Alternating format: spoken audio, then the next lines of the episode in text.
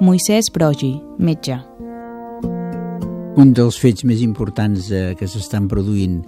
en aquest any que ara acabem de passar és la, la tendència immigratòria dels països pobres cap als països rics que demostren la gran desigualtat que s'està produint,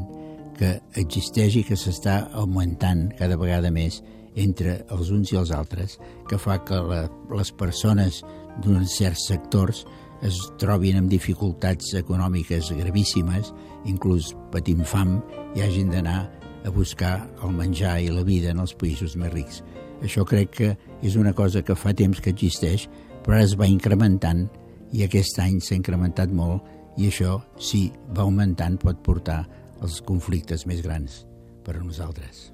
El desig és que hi hagi un equilibri més gran, que els països que la riquesa es, es reparteixi millor per tot el món i que la gent